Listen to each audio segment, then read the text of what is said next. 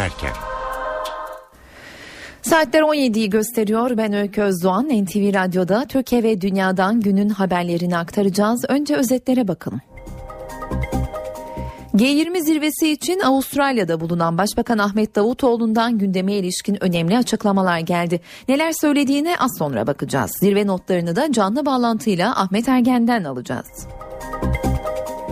Türk siyasi tarihine yeni bir parti katıldı. CHP'den istifa eden Ankara Milletvekili Emine Üker Tarhan yeni bir parti kurdu. Yeni kurulan Anadolu Partisi'nin ablemi Güneş ve Ayçiçeği. Çözüm süreci başlığı Meclis Plan Bütçe Komisyonu'nda dünden bu yana devam eden gerginlikte bültende ele alacağımız konular arasında olacak. Kentsel dönüşüm çalışmalarının bilançosu çıkarıldı. Buna göre en fazla riskli bina İstanbul'un Kadıköy ilçesinde tespit edildi. Türkiye genelinde ise riskli binaların yaklaşık üçte ikisi İstanbul'da. Günün gelişmelerinden öne çıkan başlıklar böyle. Şimdi ayrıntılar.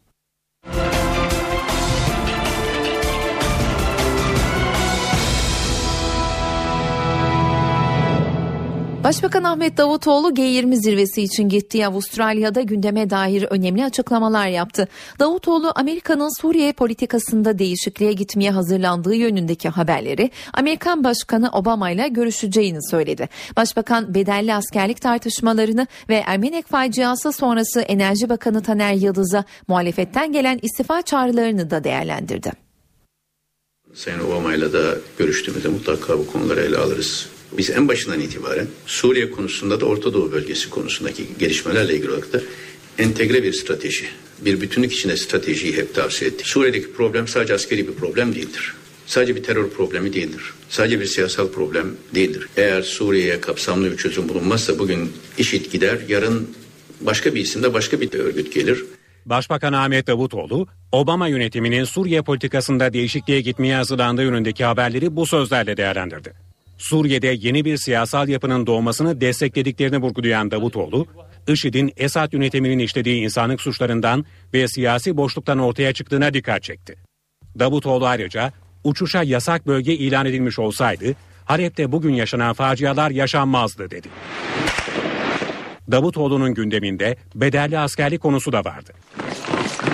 Başbakan kapsamlı değerlendirmeler sunuyor dedi. E, tabii etrafımızda bir ateş çemberi var. Çok ciddi bir güvenlik e, kriz ortamında bulunuyoruz. Bunları da göz önüne alacağız. Ama öbür tarafta da artık askerlik yapma yapılması, askerlik görevini ifa anlamında belli bir yaş e, sınırını geçmiş ve gittikçe sayısı artan bir e, birikim de var. Başbakan Ermenek faciası sonrası Enerji Bakanı Taner Yıldız'a CHP'den gelen istifa çağrılarına ise sert çıktı. Bakanlarımızın performansını muhalefet, muhalefet değerlendiremez. Sayın Taner Yıldız'ın Enerji Bakanlığı döneminde e, neler yapmış olduğunu şimdi başbakan olarak ama geçmişte de kabin arkadaşı yan yana oturan kabin arkadaşı olarak en iyi takdir edecek olan benim. Bunun Avustralya gelişmekte olan ülkeleri bir araya getiren G20 zirvesine ev sahipliği yapıyor. Türkiye bu zirvede dönem başkanlığını Avustralya'dan devralacak. Resmi açılış bugün yapıldı ama toplantılar yarın başlıyor. Ayrıntıları ve Başbakanın programını Ahmet Ergen'den alacağız. Ahmet. Dünyanın en büyük 19 ekonomisine sahip ülkelerin liderleri Avustralya'nın Brisbane kentinde toplandı. Avustralya'nın Brisbane kentinde G20 Liderler Zirvesi yapılıyor.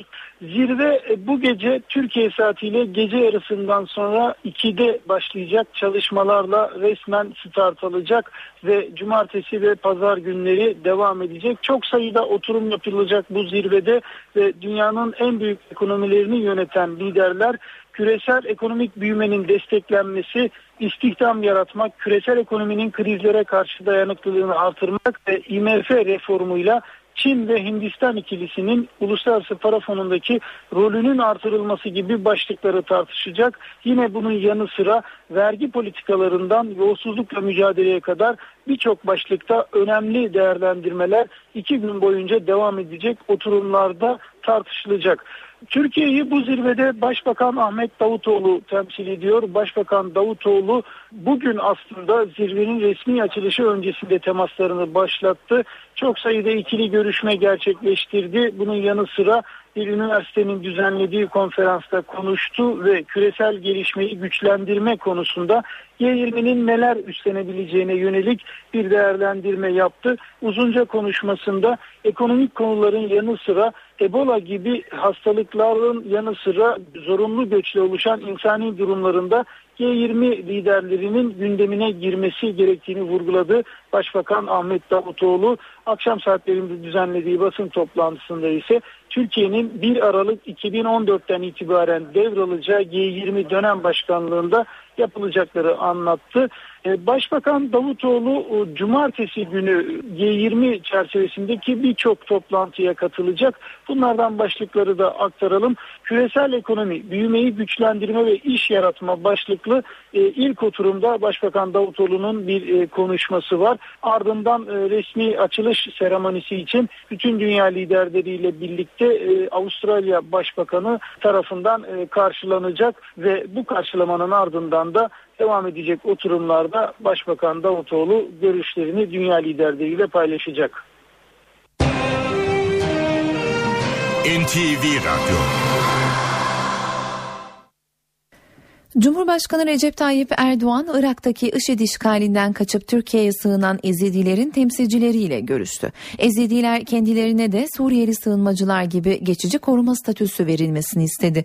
Türkiye'deki Suriyeli sığınmacılar yabancılar ve uluslararası koruma kanunundan yararlanıyor. O kanunla geçici koruma statüsü kazanıyor. Ancak Ezidiler bu kapsam dışında kalıyor. Türkiye'deki 75 bin Ezidi'yi temsilen 12 kişilik bir heyet Cumhurbaşkanı ile yaptıkları bir saatlik görüşmede geçici koruma statüsü istedi. CHP lideri Kemal Kılıçdaroğlu Birinci Dünya Savaşı'nın tartışıldığı toplantıya katıldı. Geçmişten örneklerle bugünü anlattı. Orta Doğu politikası üzerinden hükümeti eleştirdi. Orta Doğu'ya göz dikerek kişisel ihtirasları uğruna içinde bulunduğumuz coğrafyayı ülkemizi de içine alabilecek bir savaşın eşiğine getirenler anlaşılan tarih bilgisinden ve geçmişten ders çıkarma erdeminden yoksundurlar. CHP Genel Başkanı Kemal Kılıçdaroğlu İstanbul'da düzenlenen 100. yılında 1. Dünya Savaşı sempozyumuna katıldı. Gündeminde Orta Doğu'da yaşananlar vardı. Bugün içinde bulunduğumuz koşullarda belki de en çok ihtiyaç duyduğumuz siyasi yönelim Cumhuriyet tarihimizin barış eksenli dış politika anlayışına sadık kalmaktır. Kılıçdaroğlu tarihten örnekler verdi. CHP'de parti içi tartışmalara yol açan Dersim Özü için net konuşmadı ama bir mesajı vardı. Tarih siyasetçilerin istismar edeceği bir alan değildir. Tarih siyasetçilerin ders çıkaracakları bir alandır. Sempozyumun proje koordinatörlüğünü İzmir Milletvekili Mustafa Balbay yaptı. Tarihimize cesaretle bakıyoruz. Bu tarih bizim diyoruz. Ve o yüzden de bu tarihi başkalarının çarpıtmasına izin vermeden 21. yüzyıla bu tarihi, bu belleği aklın ve bilimin ışığında biz taşısak diyoruz. Toplantıya İlber Ortaylı'nın da aralarında olduğu çok sayıda tarihçi katıldı. Sempozyumda İsmet İnönü, Fevzi Çakmak ve Kazım Karabekir'in torunları da konuşacak. Cumhuriyet Halk Partisi'nden istifa eden Ankara Milletvekili Emine Öker Tarhan yeni bir parti kurdu. Yeni kurulan Anadolu Partisi'nin amblemi Güneş ve Ayçiçeği. Güneş Anadolu'yu, Ayçiçeği ise Trakya'yı simgeliyor. Biz az önce Anadolu Partisi'ni kurduk. Mutluyuz, umutluyuz. Cumhuriyet Halk Partisi'nden istifa eden Ankara Milletvekili Emine Ülker Tarhan yeni parti kurdu. Anadolu Partisi'nin kuruluş dilekçesini İçişleri Bakanlığı'na bizzat verdi. Ben umudun da Anadolu'da olduğuna inanıyorum. O yüzden Anadolu Partisi'ni kurduk. Türkiye'yi ayağa kaldırmak için Anadolu Partisi'ni kurduk. Uğurlu olsun diyorum. Kademli olsun diyorum. Adı gibi kadim olsun diyorum Anadolu Partisi. Ana parti. Parti amblemindeki Güneş Anadolu'yu, Ayçiçeği de Trakya isim geliyor. Tarhana Parti'de yer alacak diğer isimler soruldu. Başka partilerle ilgili bir yorum yapmak istemiyorum ama Türkiye'nin her yerinden, her kesimden insan olağanüstü bir ilgi gösteriyor. Partide emekli Tuamiral Türker Ertürk ve Maltepe eski belediye başkanı Mustafa Zengin'in de yer alacağı belirtildi. CHP'de muhalif isimler arasında yer alan Dilek Akagün Yılmaz ise ayrılmayı düşünmüyor. Bu parti bizim yuvamızdır, evimizdir. Asla bu partiden ayrılmak ayrılmayı asla düşünmem. Cumhuriyet Halk Partisi'nde bir kırılmaya yol açacağını sanmıyorum. Ayrıca Cumhuriyet Halk Partisi'nden e, yeni istifaların geleceğini de düşünmüyorum. Çözüm sürecinde gözler pazartesi günü Başbakan Yardımcısı Yalçın Akdoğan'la HDP heyeti arasında yapılacak görüşmede. HDP'li Hasip Kaplan biz de hükümet de sürece mahkum dedi. MHP ise gelişmelere tepkili. Nerede arkadaşlar çekildiler mi ya? Elinizi vicdanınıza koyalım ya. Şimdi yine amaç silah bıraktırmak, yine milleti kandırmak. MHP Grup Başkan Vekili Oktay Vural'ın tepkisi çözüm sürecine. Vural, hükümetin derhal silah bırakma çağrısı yapmasını istedi. Hükümet derhal yapması gereken şey PKK terör örgütünün kayıtsız şartsız silahı derhal bırakması. PKK ile yaptığı görüşmelerde çözüm olarak görüştüğü konuları ivedilikle millete açıklamalıdır. Çözüm süreci HDP'li Asip Kaplan'ın da gündemindeydi. Kaplan, HDP heyetiyle Başbakan Yardımcısı Yalçın Akdoğan arasında pazartesi yapılacak görüşmeye dikkat çekti. Pazartesi günü hükümette bir görüşme olacak. Pazartesi bakanlarla görüşülecek. Sayın Akdoğan'la muhtemelen bir görüşme yapılacak. Kaplan'a süreçteki sıkıntının tamamen aşılıp aşılmadığı da soruldu. Biz çözüm sürecine mecburuz, mahkumuz. Hükümet daha çok mecburdur, mahkumdur. Meclis Plan Bütçe Komisyonu'nda bugünkü oturum yine gergin geçiyor. Bugün toplantıda üzümlü eylem vardı. Komisyonda Gıda Tarım ve Hayvancılık Bakanlığı bütçesi ele alınıyor. CHP Denizli Milletvekili Adnan Keskin üzüm üreticilerinin sorununu gündeme taşımak için toplantıya üzüm, bir şişe şarap ve mazot getirdi. Bakan Mehdi Eker'e üzüm ikram eden Keskin üreticinin mazot fiyatları nedeniyle sıkıntıda olduğunu söyledi. NTV Radyo Edirne'de bir kömür ocağında grizo patlaması oldu. 3 işçi yaralandı. Kazanın yaşandığı madende üretim Temmuz ayında durdurulmuştu. Ancak iddiaya göre çalışma kaçak olarak devam etti. İddiayı reddeden maden sahibi ise üretim yapılmadığını, sağlamlaştırma çalışması yapıldığını söylüyor. Faaliyetleri durdurulan madende çalışma devam etti. Edirne'de kaza göz göre göre geldi. E, biz desenlerde takimat yapıyorduk. E, bir anda toz bulutu geldi bize. Patlama deyince biz de hemen koşuştuk orada bir anda. Hemen yaraları aldık oradan içeriden. Grizu patlamasının olduğu Altınyazı köyündeki maden ocağında 90 kişi çalışıyordu. Madende vardiya değişimi olduğu sırada Grizu patlaması meydana geldi. Patlama sırasında içeride 15 işçi bulunuyordu. İşçilerden Nizi Ören'le kardeşi Seyfi ve oğlu Muhammed Ören yaralandı. Vücudunda ikinci derece yanık oluşan 25 yaşındaki Muhammed Ören Çorlu'da tedavi altına alındı. Durumu ağır olan iki kardeş ise İstanbul'a sevk edildi. Temmuz ayında denetlenen madende üretim durduruldu. 27 Ekim'deki kontrolde de eksikler tamamlanmadığı için üretime izin verilmedi. Ancak işçiler madenin kapatıldığından habersiz çalışmaya devam etti. 27 Ekim'de burayı durdurmuşlar faaliyetleri. Yani onu bilmiyorum. Maden ocağının ortağı Hüseyin K ise savcılıkta verdiği ifadede madende üretim yapılmadığını, galerilerin zarar görmemesi için sağlamlaştırma çalışması yaptıklarını söyledi. Olayı soruşturan iş müfettişleri Altın Yazı Madenciliğe ait ocakta inceleme yapıyor. Türkiye'de riskli binaların üçte ikisi İstanbul'da. Çevre ve Şehircilik Bakanlığı'nın verilerine göre İstanbul'daki riskli konut ve iş yerleri en çok Kadıköy'de bulunuyor. Kentsel dönüşüm kapsamında yapılan başvurulardan 175 bin konut ve iş yerinin riskli olduğu belirlendi. Bunların 116 bini İstanbul'da. İstanbul'un ilçelerinde ise riskli bina sayısında Kadıköy başı çekiyor. Kadıköy'ü Maltepe ve Esenyurt takip ediyor. İstanbul'da en az dönüşüm başvurusu ise Başakşehir'de yapıldı. Bursa'nın Gemlik ilçesi birinci derecede deprem bölgesinde. Belediye Başkanı Refik Yılmaz ilçedeki binaların %90'ının depreme dayanıklı olmadığını söyledi. Çoğu binanın deniz kumundan yapıldığına dikkat çekti ve 50 bin kişi risk altında dedi. Bu binaların %90'ı tehlikeli. Çünkü bunların %90'ı 1999 depreminden önce yapılmış.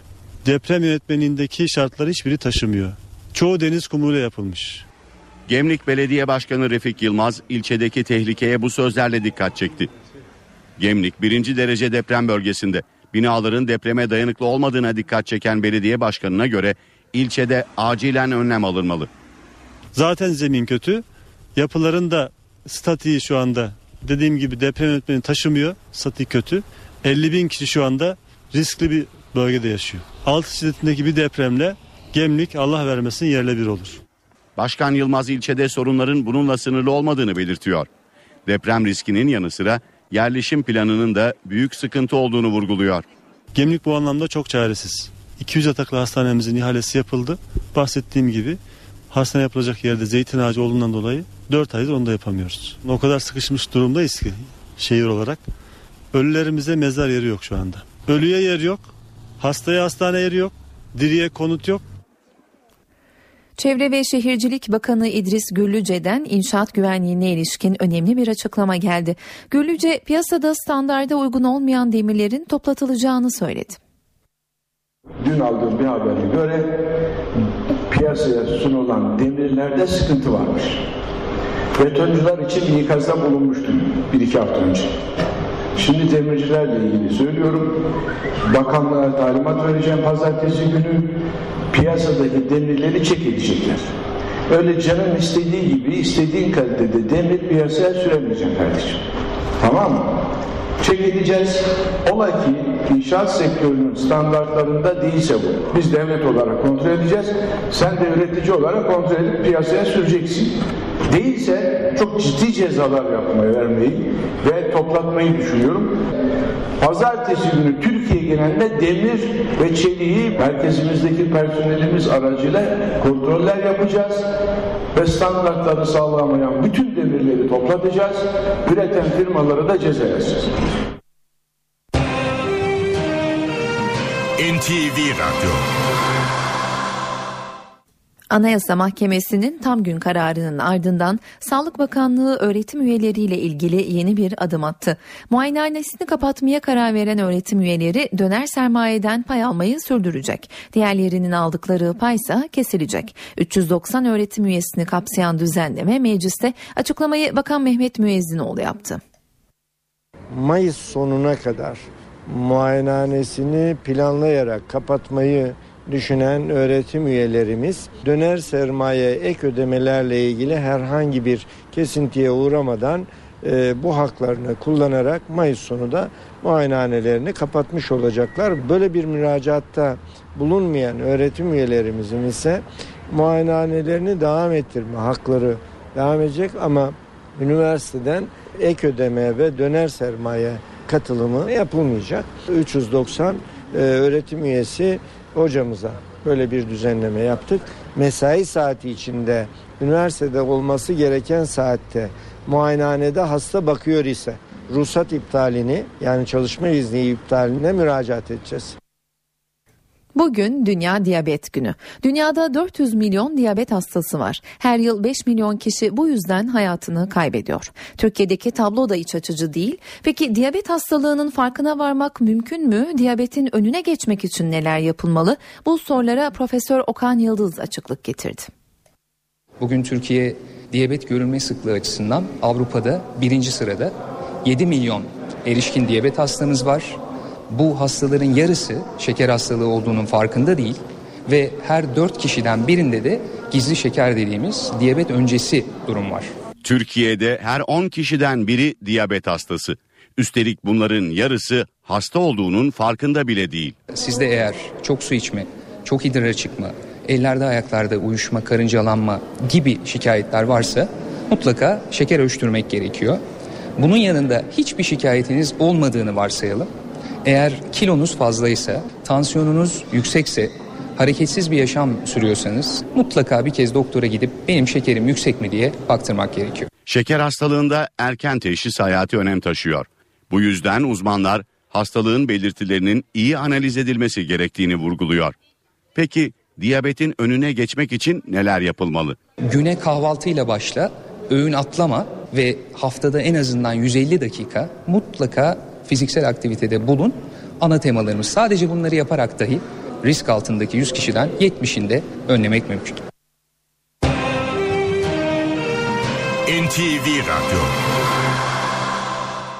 Obama yönetiminin Suriye politikasını revize etmeye hazırlandığı, Esad devrilmeden IŞİD'le mücadelede sonuç alınamayacağı fikrinin ağırlık kazandığı iddia edildi. Bu iddia için Beyaz Saray resmi stratejide değişiklik yok diyor. Amerikan medyasında ise çelişkili yorumlar var. Obama yönetiminin Suriye'de strateji değişikliği düşündüğü ve Şam'ı hedef alabileceği yolundaki haber bir Amerikan televizyon kanalında yayınlanmıştı. Başkan Obama ile Asya gezisinde olan Beyaz Saray Ulusal Güvenlik Konseyi sözcüsü ise resmi bir değişiklik sürecinin olmadığını bildirdi. Sözcü Ben Rhodes, Suriye politikamızda resmi bir strateji gözden geçirmesi yok. Strateji, IŞİD'in tüketilmesi ve sonunda yok edilmesidir. Bu süreçte neler yaptığımızı sık sık gözden geçiriyoruz dedi.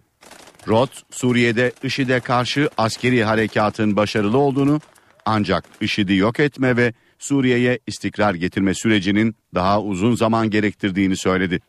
Sözcü, yalnızca siyasi bir geçiş sürecinin Suriye'yi istikrara kavuşturacağını vurguladı ve Suriye'deki durumdan kimse memnun değil, yıllardır memnun değiliz dedi. Sözcü Roth, ABD'nin 60 müttefiki içinde Suriye konusunda farklı görüş taşıyan ülkeler olduğunu ve uyum sağlanması için de sürekli temas ve iç değerlendirme yapıldığını bildirdi. Bu arada G20 zirvesi için Avustralya'da bulunan Kanada Başbakanı Stephen Harper, Şam hükümetiyle savaşmak istemediklerini ancak Suriye'de IŞİD'e karşı operasyonlara katılmaya hazır olduklarını söyledi. Kanada, Irak'ta IŞİD karşıtı hava harekatlarına katılıyor.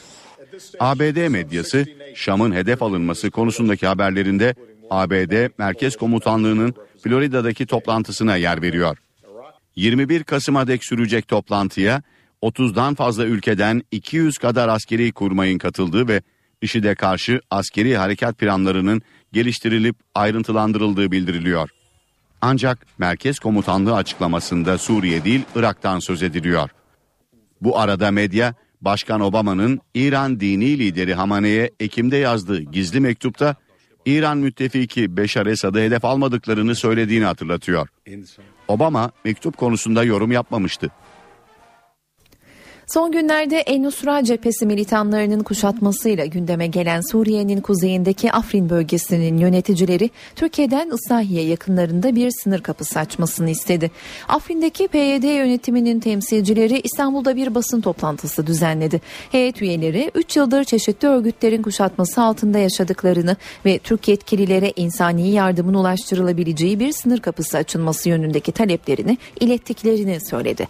Olası bir El-Nusra ya da IŞİD saldırısına karşı savunma önlemlerini artırdıklarını ifade eden heyet başkanı Hevi Mustafa, Kobani gibi Afrin'e de bir saldırı olması durumunda Kuzey Irak'taki bölgesel Kürt yönetimiyle işbirliği yapılacağını vurguladı. Suriye'de IŞİD'le EKİ'de bağlantılı En-Nusra cephesinin uzlaşarak aralarındaki çatışmaya son verdikleri belirtiliyor.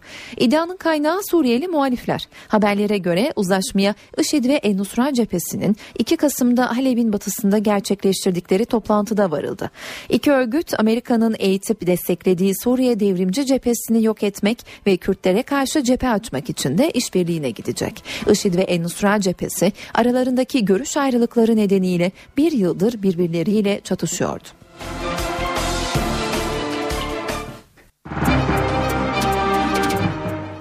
Para ve sermaye piyasalarından son verileri aktaralım. BIST 100 endeksi şu sıralar 80.911 puan seviyelerinde seyrediyor. Serbest piyasada dolar 2.24, euro 2.78'den işlem görüyor. Kapalı çarşıda ise Cumhuriyet altını 564, çeyrek altın 136 liradan satılıyor.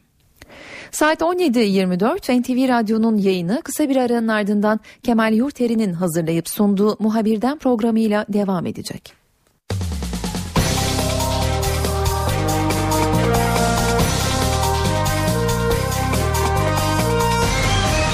Eve dönerken. Saat 18 ben Öykü Özdoğan eve dönerken haberlerde Türkiye ve dünyadan günün öne çıkan haberlerini aktarıyoruz. G20 zirvesi için Avustralya'da bulunan Başbakan Ahmet Davutoğlu'ndan gündeme ilişkin önemli açıklamalar geldi.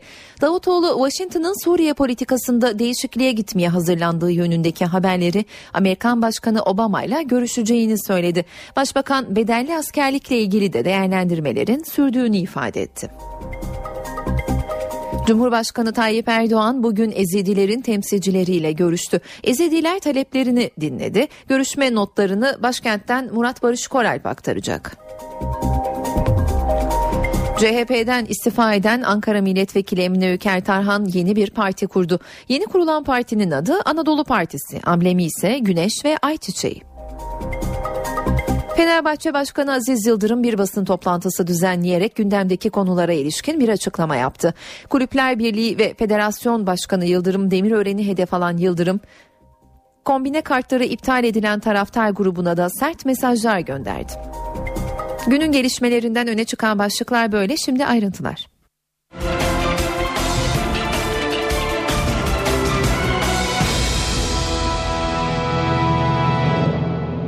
Başbakan Ahmet Davutoğlu G20 zirvesi için gittiği Avustralya'da gündeme dair önemli açıklamalar yaptı. Davutoğlu, Amerika'nın Suriye politikasında değişikliğe gitmeye hazırlandığı yönündeki haberleri Amerikan Başkanı Obama ile görüşeceğini söyledi. Başbakan bedelli askerlik tartışmalarını ve Ermenek faciası sonrası Enerji Bakanı Taner Yıldız'a muhalefetten gelen istifa çağrılarını da değerlendirdi.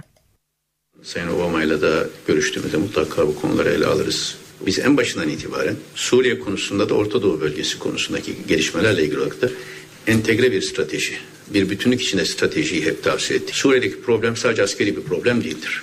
Sadece bir terör problemi değildir. Sadece bir siyasal problem değildir. Eğer Suriye'ye kapsamlı bir çözüm bulunmazsa bugün işit gider, yarın başka bir isimde başka bir örgüt gelir. Başbakan Ahmet Davutoğlu, Obama yönetiminin Suriye politikasında değişikliğe gitmeye hazırlandığı yönündeki haberleri bu sözlerle değerlendirdi. Suriye'de yeni bir siyasal yapının doğmasını desteklediklerini vurgulayan Davutoğlu, IŞİD'in Esad yönetiminin işlediği insanlık suçlarından ve siyasi boşluktan ortaya çıktığına dikkat çekti. Davutoğlu ayrıca uçuşa yasak bölge ilan edilmiş olsaydı Halep'te bugün yaşanan facialar yaşanmazdı dedi. Davutoğlu'nun gündeminde bedelli askerlik konusu da vardı. Başbakan kapsamlı değerlendirmeler sürüyor dedi. E, tabii etrafımızda bir ateş çemberi var. Çok ciddi bir güvenlik e, kriz ortamında bulunuyoruz. Bunları da göz önüne alacağız. Ama öbür tarafta da artık askerlik yapma, askerlik görevini ifa anlamında belli bir yaş e, sınırını geçmiş ve gittikçe sayısı artan bir e, birikim de var. Başbakan Ermenek faciası sonrası Enerji Bakanı Taner Yıldız'a CHP'den gelen istifa çağrılarına ise sert çıktı. Bakanlarımızın performansını muhalefet, muhalefet değerlendiremez. Sayın Taner Yıldız'ın Enerji Bakanlığı döneminde e, neler yapmış olduğunu şimdi başbakan olarak ama geçmişte de kabin arkadaşı yan yana oturan kabin arkadaşı olarak en iyi takdir edecek olan benim. Dünya ekonomisine yön veren 20 ülkenin lideri Avustralya'nın Brisbane kentinde bir araya geliyor. Hafta sonu düzenlenecek G20 zirvesinin gündeminde en önemli başlık büyüme olacak. Çevreciler ise küresel ısınmanın da masada olmasını istiyor. Bunun için Sydney kentinde ilginç bir protesto gösterisi vardı. Avustralya'nın Brisbane kenti G20 zirvesine ev sahipliği yapıyor. Rusya, Amerika Birleşik Devletleri ve Çin liderlerinin de katılacağı zirvede en önemli gündem maddesi büyüme olacak. İş imkanlarının artırılması, küresel ekonominin güçlendirilmesi ve uluslararası vergi kaçakçılığının azaltılması da masada olacak. Zirvede Türkiye'yi temsil eden Başbakan Ahmet Davutoğlu 2015'te G20'nin dönem başkanlığını Türkiye'nin üstleneceğine dikkat çekti. Davutoğlu G20'nin daha kapsayıcı olması ve yoksul ülkelere daha çok söz hakkı verilmesi gerektiğini vurguladı. G20 agenda in that sense G20'nin gündemi sadece 20 ülkenin gündeminden ibaret olmamalı. Grubun küresel bir gündemi olmalı. G20'ye üye olmayan ülkelerle ilişkilerde büyük önem taşıyor. Bununla birlikte zirvenin Ukrayna krizi ve Orta Doğu'daki çatışmaların gölgesinde geçeceği, liderlerin özellikle ikili görüşmelerinde bu konulara odaklanacağı belirtiliyor. Çevrecilerse G20 liderlerinin gündeminde küresel ısınmanın da olmasını istiyor. Bunun için de Sydney kentinde protesto gösterisi vardı. Göstericiler iklim değişikliğine karşı yeterince önlem alınmamasını protesto için Bondi plajında kafalarını kuma gömdü. Zirve boyunca Brisbane kentinde güvenliği ise 6 bin polis sağlayacak. Avustralya'nın 2 yıl boyunca hazırlık yaptığı zirve için 350 milyon dolar harcadığı belirtiliyor.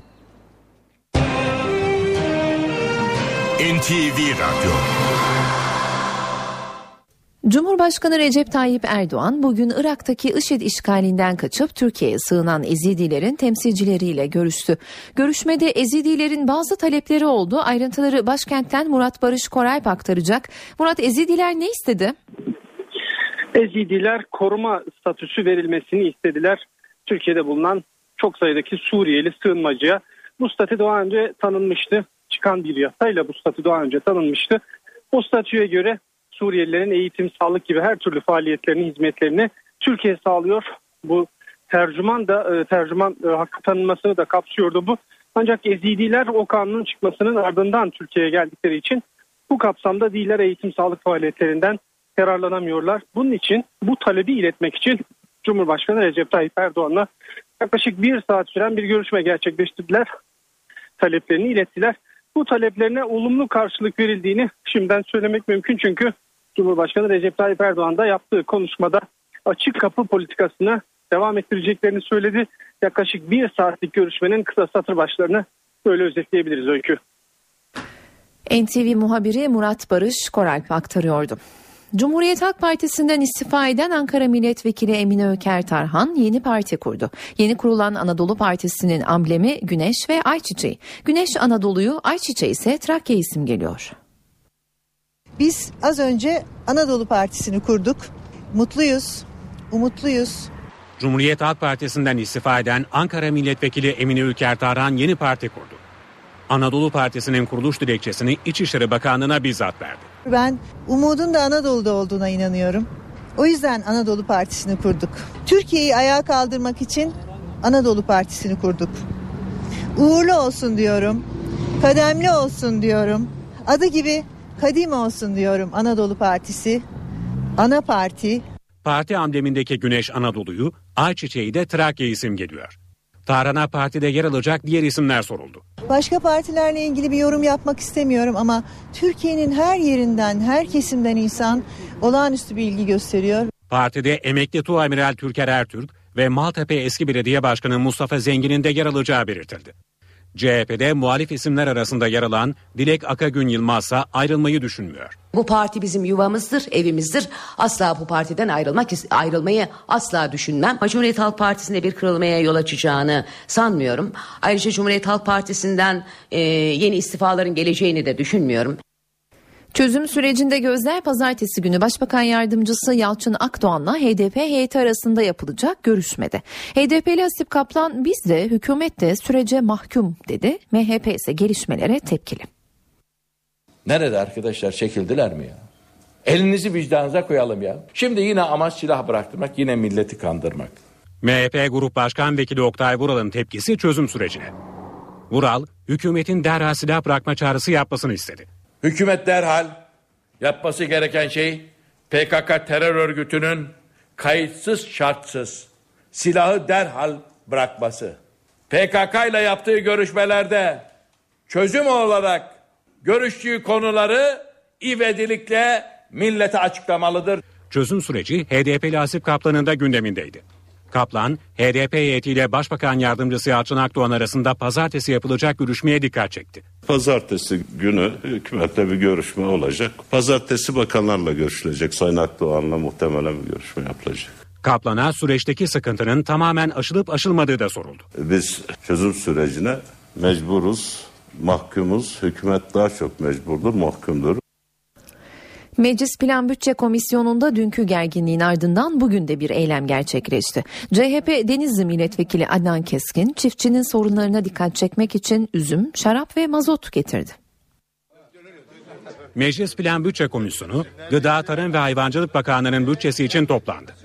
Üzüm üreticilerinin sorunlarına dikkat çekmek isteyen Denizli Milletvekili Adnan Keskin toplantıya üzüm, şarap ve mazot getirdi. Keskin, şaraptan alınan yüksek vergiye ve mazot fiyatlarına dikkat çeken pankartlar da hazırladı. geçtiğimiz günlerde Bütçe sunumu için gelen Gıda Tarım ve Hayvancılık Bakanı Mehdi Eker üzümden tattı. Sayın Bakan'a da ikram edelim üzümü. Sayenizde baksana ne hale gelmiş üzüm. Sayın Bakan siz de yiyebilirsiniz. Hiç olmazsa tüketime katkınız olsun. Bu görüntülerin ardından bakanlık bütçesi görüşülmeye başlandı. NTV Radyo Edirne'de bir kömür ocağında grizo patlaması oldu. 3 işçi yaralandı. Kazanın yaşandığı madende üretim Temmuz ayında durdurulmuştu ancak iddiaya göre çalışma kaçak olarak devam etti. İddiayı reddeden maden sahibi ise üretim yapılmadığını, sağlamlaştırma çalışması yapıldığını söylüyor. Faaliyetleri durdurulan madende çalışma devam etti. Edirne'de kaza göz göre göre geldi. E, Biz desenlerde takimat yapıyorduk. E, bir anda toz bulutu geldi bize. Patlama deyince biz de hemen koşuştuk orada bir anda. Hemen yaraları aldık oradan içeriden. Grizu patlamasının olduğu Altınyazı köyündeki maden ocağında 90 kişi çalışıyordu. Madende vardiya değişimi olduğu sırada Grizu patlaması meydana geldi. Patlama sırasında içeride 15 işçi bulunuyordu. İşçilerden Nizi Ören'le kardeşi Seyfi ve oğlu Muhammed Ören yaralandı. Vücudunda ikinci derece yanık oluşan 25 yaşındaki Muhammed Ören Çorlu'da tedavi altına alındı. Durumu ağır olan iki kardeş ise İstanbul'a sevk edildi. Temmuz ayında denetlenen madende üretim durduruldu. 27 Ekim'deki kontrolde de eksikler tamamlanmadığı için üretime izin verilmedi. Ancak işçiler madenin kapatıldığından habersiz çalışmaya devam etti. 27 Ekim'de burayı durdurmuşlar faaliyetleri. Yani onu bilmiyorum. Maden ocağının ortağı Hüseyin K ise savcılıkta verdiği ifadede madende üretim yapılmadığını, galerilerin zarar görmemesi için sağlamlaştırma çalışması yaptıklarını söyledi. Olayı soruşturan iş müfettişleri altın yazı madenciliğe ait ocakta inceleme yapıyor. Türkiye'de riskli binaların üçte ikisi İstanbul'da. Çevre ve Şehircilik Bakanlığı'nın verilerine göre İstanbul'daki riskli konut ve iş yerleri en çok Kadıköy'de bulunuyor. Kentsel dönüşüm kapsamında yapılan başvurulardan 175 bin konut ve iş yerinin riskli olduğu belirlendi. Bunların 116 bini İstanbul'da. İstanbul'un ilçelerinde ise riskli bina sayısında Kadıköy başı çekiyor. Kadıköy'ü Maltepe ve Esenyurt takip ediyor. İstanbul'da en az dönüşüm başvurusuysa Başakşehir'de yapıldı. Bursa'nın Gemlik ilçesi birinci derecede deprem bölgesinde. Belediye Başkanı Refik Yılmaz ilçedeki binaların %90'ının depreme dayanıklı olmadığını söyledi. Çoğu binanın deniz kumundan yapıldığına dikkat çekti ve 50 bin kişi risk altında dedi. Bu binaların %90'ı tehlikeli. Çünkü bunların %90'ı 1999 depreminden önce yapılmış. Deprem yönetmenindeki şartları hiçbiri taşımıyor. Çoğu deniz kumuyla yapılmış. Gemlik Belediye Başkanı Refik Yılmaz ilçedeki tehlikeye bu sözlerle dikkat çekti. Gemlik birinci derece deprem bölgesinde binaların depreme dayanıklı olmadığına dikkat çeken belediye başkanına göre ilçede acilen önlem alınmalı. Zaten zemin kötü. Yapıların da statiği şu anda dediğim gibi deprem yönetmeni taşımıyor. Statik kötü. 50 bin kişi şu anda riskli bir bölgede yaşıyor. 6 şiddetindeki bir depremle Gemlik Allah vermesin yerle bir olur. Başkan Yılmaz ilçede sorunların bununla sınırlı olmadığını belirtiyor. Deprem riskinin yanı sıra yerleşim planının da büyük sıkıntı olduğunu vurguluyor. Gemlik bu anlamda çok çaresiz. 200 yataklı hastanemizin ihalesi yapıldı. Bahsettiğim gibi hastane yapılacak yerde zeytin ağacı olduğundan dolayı 4 aydır onu da yapamıyoruz. O kadar sıkışmış durumdayız ki şehir olarak. Ölülerimize mezar yeri yok şu anda. Ölüye yer yok. Hastaya hastane yeri yok. Diriye konut yok. Çevre ve Şehircilik Bakanı İdris Gürlüce'den inşaat güvenliğine ilişkin önemli bir açıklama geldi. Gürlüce piyasada standarda uygun olmayan demirlerin toplatılacağını söyledi. Dün aldığım bir habere göre piyasaya sunulan demirlerde sıkıntı varmış. Betoncular için ikazda bulunmuştum bir iki hafta önce. Şimdi demircilerle ilgili söylüyorum. Bakanlığa talimat vereceğim pazartesi günü. Piyasadaki demirleri çek edecekler. Öyle canın istediği gibi istediğin kalitede demir piyasaya süremeyeceksin kardeşim. Tamam mı? Çek edeceğiz. Ola ki inşaat sektörünün standartlarında değilse bu. Biz devlet olarak kontrol edeceğiz. Sen de üretici olarak kontrol edip piyasaya süreceksin. Değilse çok ciddi cezalar yapmayı vermeyi ve toplatmayı düşünüyorum. Pazartesi günü Türkiye genelinde demir ve çeliği merkezimizdeki personelimiz aracıyla kontroller yapacağız ve standartları sağlamayan bütün demirleri toplatacağız. Üreten firmaları da ceza.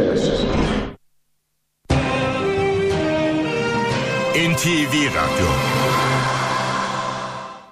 Türkiye'de konut fiyatları Ekim ayında geçen yılın aynı ayına göre %17,3 arttı. Raydın ve Gayrimenkul Yatırım Ortaklığı Derneği'nin raporuna göre konut fiyatları bir önceki aya göre %1,58 arttı. Yıllık bazda en çok artışın görüldüğü il %22 ile İstanbul oldu. En düşük artış ise %8'de Kocaeli'nde görüldü. Ekonomi Bakanlığı matkaptan el süpürgesine, mikserden mutfak robotuna, elektrikli ev ve el aletlerini incelemeye aldı. Gerekçe özellikle Çin'den gelen ürünlerin yerli üretici aleyhine haksız rekabet yaratması. Türkiye haksız rekabete karşı yerli üretimi korumak için harekete geçiyor. Ekonomi Bakanlığı matkaptan el süpürgesine, mikserden mutfak robotuna kadar elektrikli el ve ev aletleri ithalatını mercek altına aldı. Özellikle Çin'den gelen ürünler üzerinde duruluyor. Bazı ülkelerin haksız rekabet yaratıcı bir şekilde Türkiye'de rekabet şartlarını bozduklarını biz görüyoruz. Gerekli olması halinde eğer görür, görür ve bunu tespit edersek bununla ilgili önlem alacağız. Kendi ülkemizin yerli üreticilerini haksız rekabete maruz bırakmadan onları tehdit eden ortamları da imkan vermeyen bir düzenleme yapmak zorundayız. Ekonomi Bakanı Nihat Zeybekçi çok tehlikeli işler yapan işçilere hayat sigortası yapılması konusunda sigorta şirketlerine devlet desteği verilip verilmeyeceğine de açıklık getirdi. Kaza olması durumunda diğer sektörlerde olmayan zorunluluk aileleriyle ilgili onları daha çok güvence altına alan ekstra özel hayat sigortalarıyla ilgili de bence bir formül geliştirmeli. Bunun için de özel sigortalara herhangi bir destek vermeye ben gerek olduğuna inanmıyorum. Çok tehlikeli alanlarda iş yeri olan müteşebbislerimizin o çok tehlikeli iş yerinden kaynaklanan bu primi, bu maliyeti katlanmaları gerektiğine biz o yönde bir düşüncemiz var.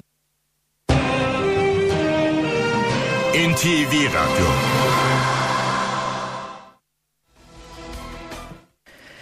36. Vodafone İstanbul Maratonu pazar günü koşulacak. Yarış 4 ayrı kategoriden oluşuyor. Herkese açık olan halk koşusunun kontenjanı bu yıl 100 bin kişiyle sınırı tutuldu. Pazar günü bazı yollar trafiğe kapalı olacak.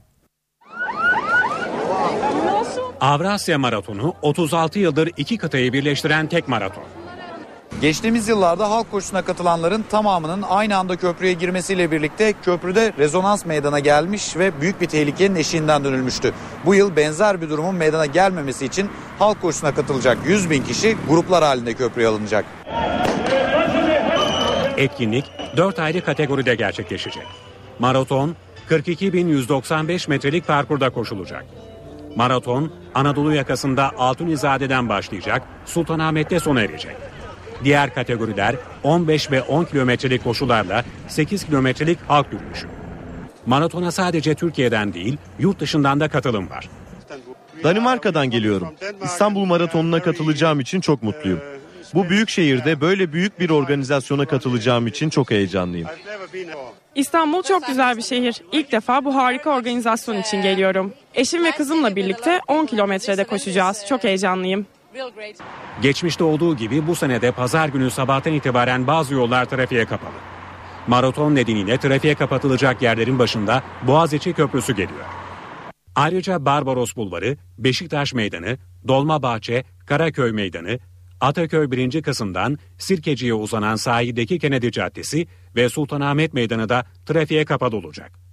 Kapalı yollar saat 11'den itibaren kademeli olarak trafiğe açılacak.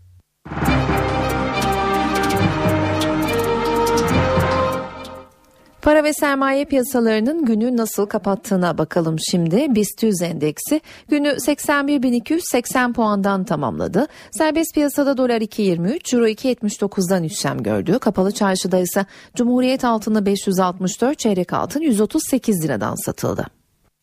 Ara verelim yeniden karşınızda olacağız.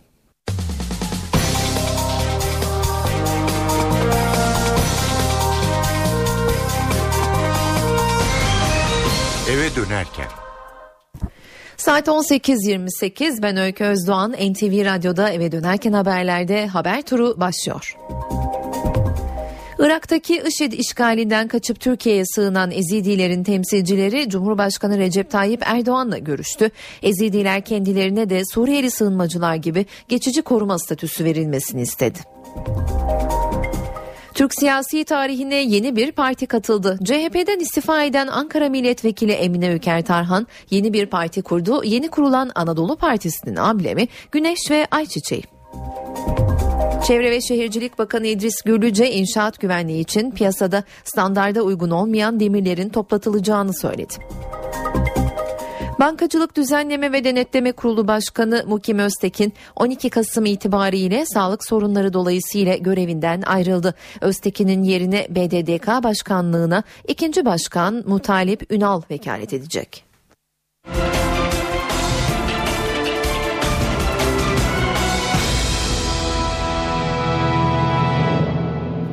Dışişleri Bakanı Mevlüt Çavuşoğlu Eminönü'nde 3 Amerikan askerinin başına çuval geçirilmesinin kınanması gereken bir hareket olduğunu söyledi.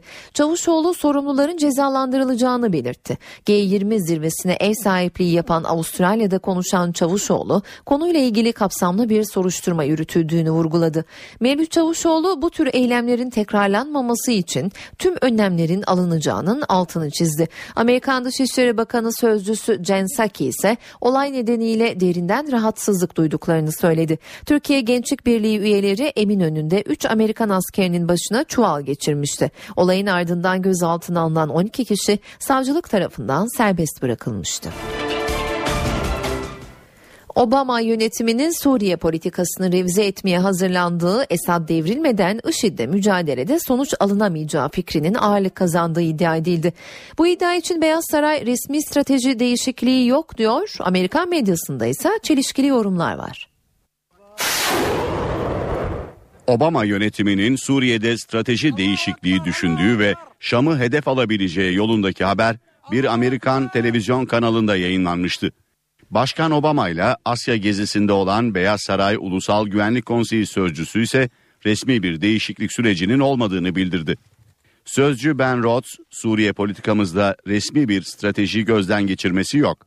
Strateji, IŞİD'in tüketilmesi ve sonunda yok edilmesidir. Bu süreçte neler yaptığımızı sık sık gözden geçiriyoruz dedi. Rhodes, Suriye'de IŞİD'e karşı askeri harekatın başarılı olduğunu ancak IŞİD'i yok etme ve Suriye'ye istikrar getirme sürecinin daha uzun zaman gerektirdiğini söyledi. Sözcü yalnızca siyasi bir geçiş sürecinin Suriye'yi istikrara kavuşturacağını vurguladı ve Suriye'deki durumdan kimse memnun değil. Yıllardır memnun değiliz dedi. Sözcü Rhodes, ABD'nin 60 müttefiki içinde Suriye konusunda farklı görüş taşıyan ülkeler olduğunu ve uyum sağlanması için de sürekli temas ve iç değerlendirme yapıldığını bildirdi. Bu arada G20 zirvesi için Avustralya'da bulunan Kanada Başbakanı Stephen Harper, Şam hükümetiyle savaşmak istemediklerini ancak Suriye'de IŞİD'e karşı operasyonlara katılmaya hazır olduklarını söyledi. Kanada, Irak'ta IŞİD karşıtı hava harekatlarına katılıyor. ABD medyası Şam'ın hedef alınması konusundaki haberlerinde ABD Merkez Komutanlığı'nın Florida'daki toplantısına yer veriyor. 21 Kasım'a dek sürecek toplantıya 30'dan fazla ülkeden 200 kadar askeri kurmayın katıldığı ve IŞİD'e karşı askeri harekat planlarının geliştirilip ayrıntılandırıldığı bildiriliyor. Ancak Merkez Komutanlığı açıklamasında Suriye değil Irak'tan söz ediliyor. Bu arada medya Başkan Obama'nın İran dini lideri Hamane'ye Ekim'de yazdığı gizli mektupta İran müttefiki Beşar Esad'ı hedef almadıklarını söylediğini hatırlatıyor. Obama mektup konusunda yorum yapmamıştı. Son günlerde El Nusra cephesi militanlarının kuşatmasıyla gündeme gelen Suriye'nin kuzeyindeki Afrin bölgesinin yöneticileri Türkiye'den Islahiye yakınlarında bir sınır kapısı açmasını istedi. Afrin'deki PYD yönetiminin temsilcileri İstanbul'da bir basın toplantısı düzenledi.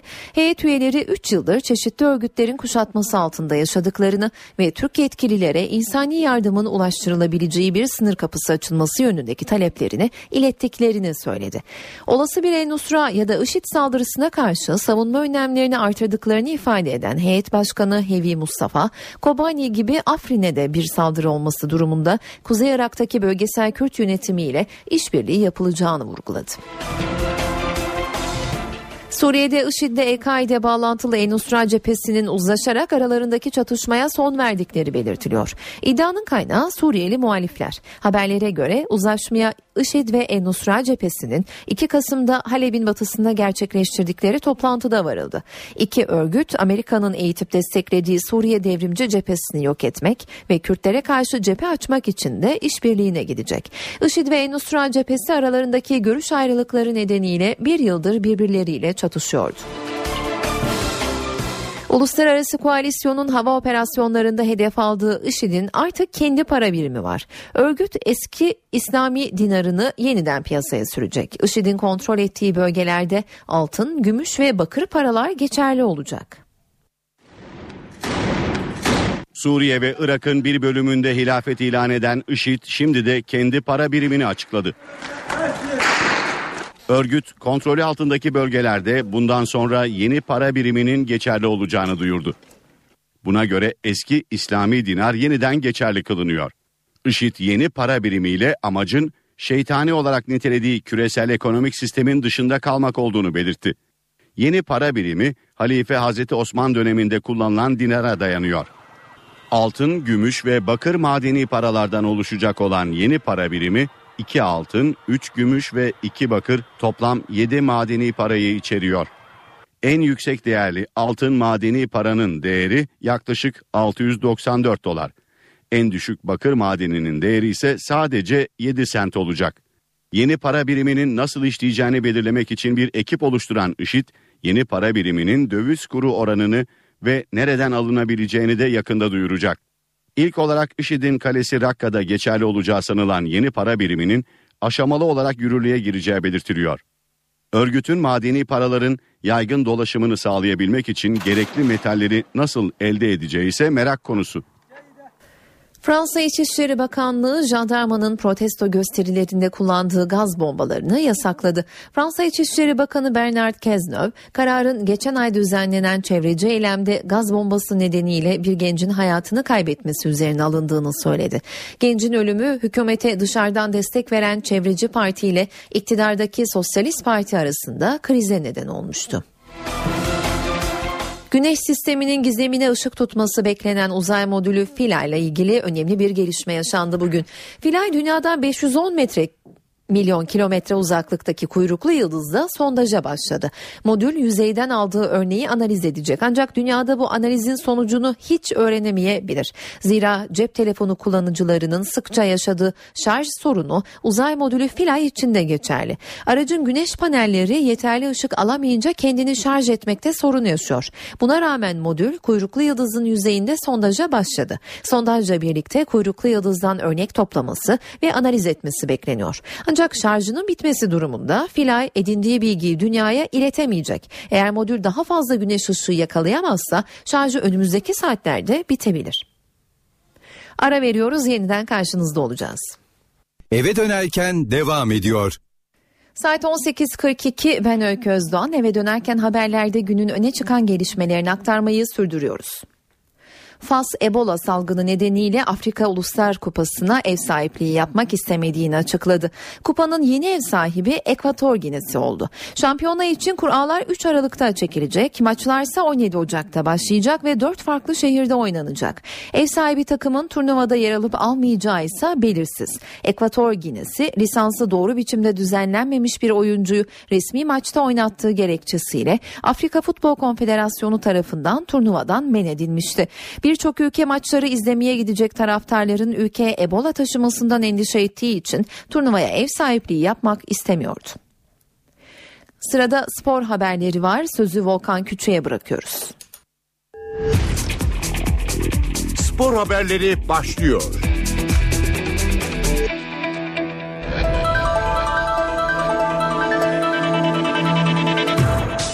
Fenerbahçe Başkanı Aziz Yıldırım kombine iptalleri konusunda basın toplantısı düzenledi. Sarı lacivertli taraftar grubu hakkında sert eleştirilerde bulunan Başkan Yıldırım bir dahaki sezon tribün olayları yaşanması durumunda bir yıl ceza alacaklarını söyledi. Bu olaylara yalnız Fenerbahçe olarak bakılırsa Fenerbahçe bunu mücadele yapıyor gözükürse bu Türk sporuna zarar verir Fenerbahçe'ye değil. Biz Fenerbahçe başkanı, yöneticisi ve camiası bunu bitirmeye kararlıyız. Ama bizim bitirmemiz de yalnız bu çözüm bulmaz. Türk takımları Avrupa'da hazırlık maçı yapamıyor. Belki de birkaç sene içerisinde tüm Avrupa'da yasaklanacağız. Fenerbahçe Spor Kulübü futbol takımı iki yıllık cezasını ertelemesiyle şu anda Avrupa'da bu sene şampiyon olursa e, inşallah olacak da gidip maç yapma şansını yakalamış vaziyette. Ama orada alacağı bu olaylar bunun gibi bir olaydan dolayı ceza alırsa bir yıl men edilecek. Geçmiş yıllarda bilet vermeme operasyonu yaptık. Fakat bizim dışımızda bazı kişi ve şahıslar bunlara bilet ve maddi yardımlar yaparak bunların statlara girmelerini sağladılar. Ve aleyhimize tezahüratlar yaptırdılar. Biz yine sesimizi çıkarmadık. Aleyhte benim şahsıma ait istediklerini söyleyebilirler. Küfür etmemek, hakaret etmemek şartıyla. Bunu ederlerse onlarla hesaplaşırım. Kim olursa olsun. Bu işi devlet olmadan biz çözemeyiz. Devletle beraber çözeceğiz. Devlet de buna sahip çıkmalı bu konuya. 3-5 tane çapulcuya burada şey vermem yani onu bilsinler. Ben hayatımın 25 yılını Fenerbahçe'ye verdim. 25 yıl. Kolay değil. 62 yaşındayım. Yani ömrümün üçte birini Fenerbahçe'de geçti. Kimse Fenerbahçe'nin üzerinden Aziz Yıldırım şunu yaptı. Arkadaşları bunu yaptı. Rant elde ettiler. Şöyle yaptılar diyemezler. Biz Fenerbahçe'nin marka olan yüzünü iyice temizleyerek ortaya çıkardık. Bana diktatör diyorlar. Desinler. Biz 3 Temmuz'dan beri durmadan bir savaş veriyoruz. Biz şike yapmadığımızı söylüyoruz ve bu şike yaptığımız yaptığımızı iddia eden gruplarla da bu mücadelemizi devam ettiriyoruz. Bu hafta önümüzdeki hafta içerisinde bize bu operasyonları yapanlar devlet sorumluları o zaman gider hepsi hakkında suç duyurusu yapacağız. Futbol Federasyonu yönetimi ve Kulüpler Birliği Ankara'da Gençlik ve Spor Bakanı Akif Çağatay Kılıç'la bir araya geldi. Toplantı sonrasında Bakan Kılıç açıklamalarda bulundu. Sporumuzun en önemli parçalarından birisi olan futbolumuzla ilgili olarak e, güncel konularda, e, yapısal konularda, mali konularda gün ve gün yaşadığımız farklı e, tecrübeleri değerlendirme fırsatımız oldu. Kulüpler Birliği yasasıyla ilgili olarak yapılan çalışma içerisinde biz yolumuza çok hızlı bir şekilde devam ediyoruz. Şu anda belli bir olgunluğa gelmiş olan bir taslağımız var. Bu taslağımızın üzerinde de birçok e, kulübümüzün e, katıl, katıldığı noktaların katılmadığı noktalardan fazla olduğunu biliyoruz. Bu noktaya gelmiş vaziyetteyiz. Şiddet olaylarının, olumsuz olaylarının, sportmenlik dışı davranışlarının pardonu, aması, osu busu olmamalıdır. Milli takımımızın e, ortaya koyduğu performans e, buradaki hiç kimseyi e, mutlu etmiyor. E, keşke e, daha iyi bir sonuç olsaydı, e, daha güzel bir sonuç olsaydı. Hepimizin ümidi bu yöndeydi. E, ama e, olmadı. Ümit ediyoruz ki Kazakistan maçında bir çıkış yakalarız. Birbirinize karşı olan müzakerelerdeki olgunluk ve birbirinizle karşı olan e, tavır içerisinde, olumlu tavır içerisindeki yolda yürümeye devam edersek ben inanıyorum ki Türk futbolundaki birçok konuyu çok hızlı bir şekilde çözebiliriz. Ee, ümit ediyorum ki gelecekte futbolumuz çok daha iyi bir noktaya gelecektir. Cesare Prandelli Galatasaray nasıl daha az gol yer sorusu üzerine çalışmalarını sürdürüyor. Antrenmanlarda savunmaya yönelik özel çalışmalar yaptıran İtalyan teknik adam özellikle pozisyon alma hataları üzerine duruyor. Galatasaray Teknik Direktörü Cesare Prandelli takımın savunma anlayışını değiştirmekte kararlı. İtalyan teknik adam milli maç arasında futbolcularına özellikle defans kurgusu üzerinde çalışmalar yaptırdı.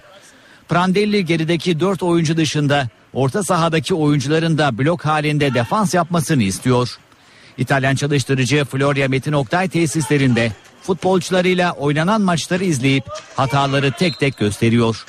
Özellikle pozisyon almada sıkıntılar yaşandığını gözlemleyen Cesare Prandelli yeni savunma anlayışıyla daha az gol pozisyonu veren bir takım yaratmayı planlıyor. Hücuma çıkarken rakip sahada daha hızlı çoğalmak için de çalışmalar yaptıran deneyimli teknik adam oyunculardan topu Snyder'le buluşturmalarını istiyor. Bu sistemde Hollandalı yıldızın yaratıcılığına güvenen Prandelli, Burak Yılmaz'ı tek forvet olarak görevlendirmeyi sürdürecek. 4-0'lık İstanbul Başakşehir mağlubiyetinden sonra oyun anlayışını gözle görülür şekilde değiştiren Galatasaray, Kasımpaşa ve Kardemir Karabükspor'u 2-1'lik skorlarla yenmişti. Cesare Prandelli daha önce denediği sistemlerin futbolculara uymadığını vurgulamış ve artık oyuncuların fikirlerini alarak onlara uygun dizilişlerle sahaya çıkacaklarını ifade etmişti. Bu haberle spor bültenimizin sonuna geldik. Hoşçakalın.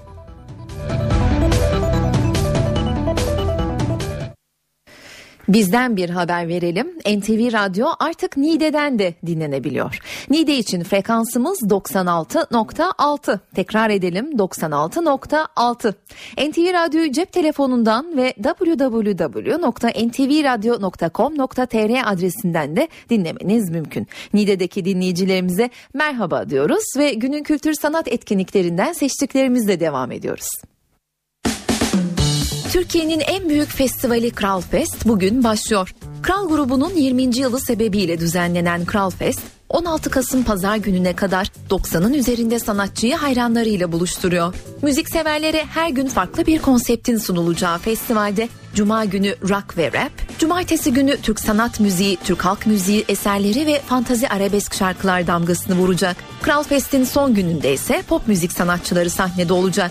Festivale Küçükçekmece Yahya Kemal Beyatlı Gösteri Merkezi ev sahipliği yapıyor. Bugün saat 21'de başlayacak festivalde Ege Çubukçu, Kamufle, Piton, Aydige, Piz, Manga, Kolpa, Keypek Eder, Yüksek Sadakat ve Zeynep Kasalini gibi isimler dinlenebilir. Kral Fest'in cumartesi pazar günleri ise 15-24 saatleri arasında düzenleneceğini ekleyelim. Tüm müzikseverler Kral Fest'e ücretsiz olarak katılabilecek.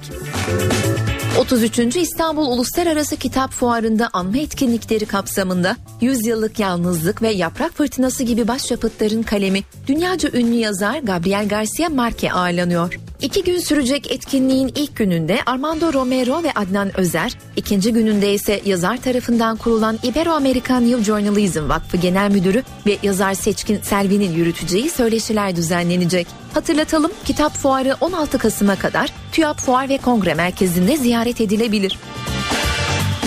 İş Sanat Kültür Merkezi ise Bienal konserti ağırlıyor bu akşam. James Jude şefliğindeki performansta Vadim Rap'in virtüözüyle sanatseverlerin karşısında olacak. Etkinlik başlama saati 20. Colin Stetson da İstanbul'da konser veriyor bu akşam. Amerikalı saksafon ve üflemeli çalgılar virtüözü Colin Stetson saat 21.30'da başlıyor performansına. Stetson'ın konserine salon İKSV ev sahipliği yapıyor. Cem Adrian da Ankara'da hayranlarıyla bir araya geliyor. Adrian konserine saat 22'de başlıyor. Performans mekanı Jolly Joker Ankara. Red'de İzmirli sevenleri için sahnede olacak bugün. Hayal Kahvesi Alsancak'taki konser saat 22.30'da başlıyor. Tiyatro severler için de önerimiz olacak. Van Gogh sahneye konuyor İstanbul'da bu akşam. Tiyatro gerçeğin Van Gogh'un portresini sahneye taşıdığı oyun saat 20.30'da başlıyor. Van Gogh, Maya Cüneyt Türel sahnesinde sahnelenecek. Bu akşam evdeyseniz Star TV'de saat 20.30'da Medcezir, ardından da saat 23.30'da Talk Show programı Kim O izlenebilir. CNBC'de ise saat 23'te The White Queen, öncesinde ise saat 21'de Super Heroes ekranda olacak. Ara veriyoruz saat başında yeniden karşınızda olacağız.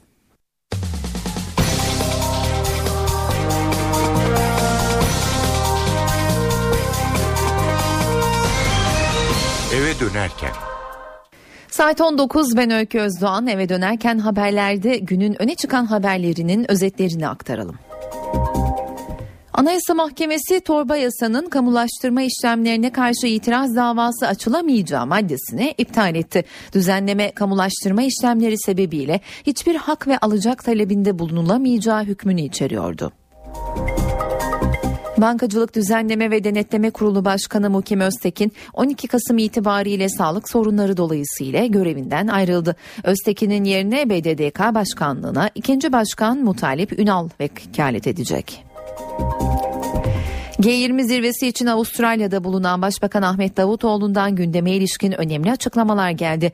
Davutoğlu Washington'ın Suriye politikasında değişikliğe gitmeye hazırlandığı yönündeki haberleri Amerikan Başkanı Obama ile görüşeceğini söyledi. Başbakan bedelli askerlikle ilgili de değerlendirmelerin sürdüğünü ifade etti.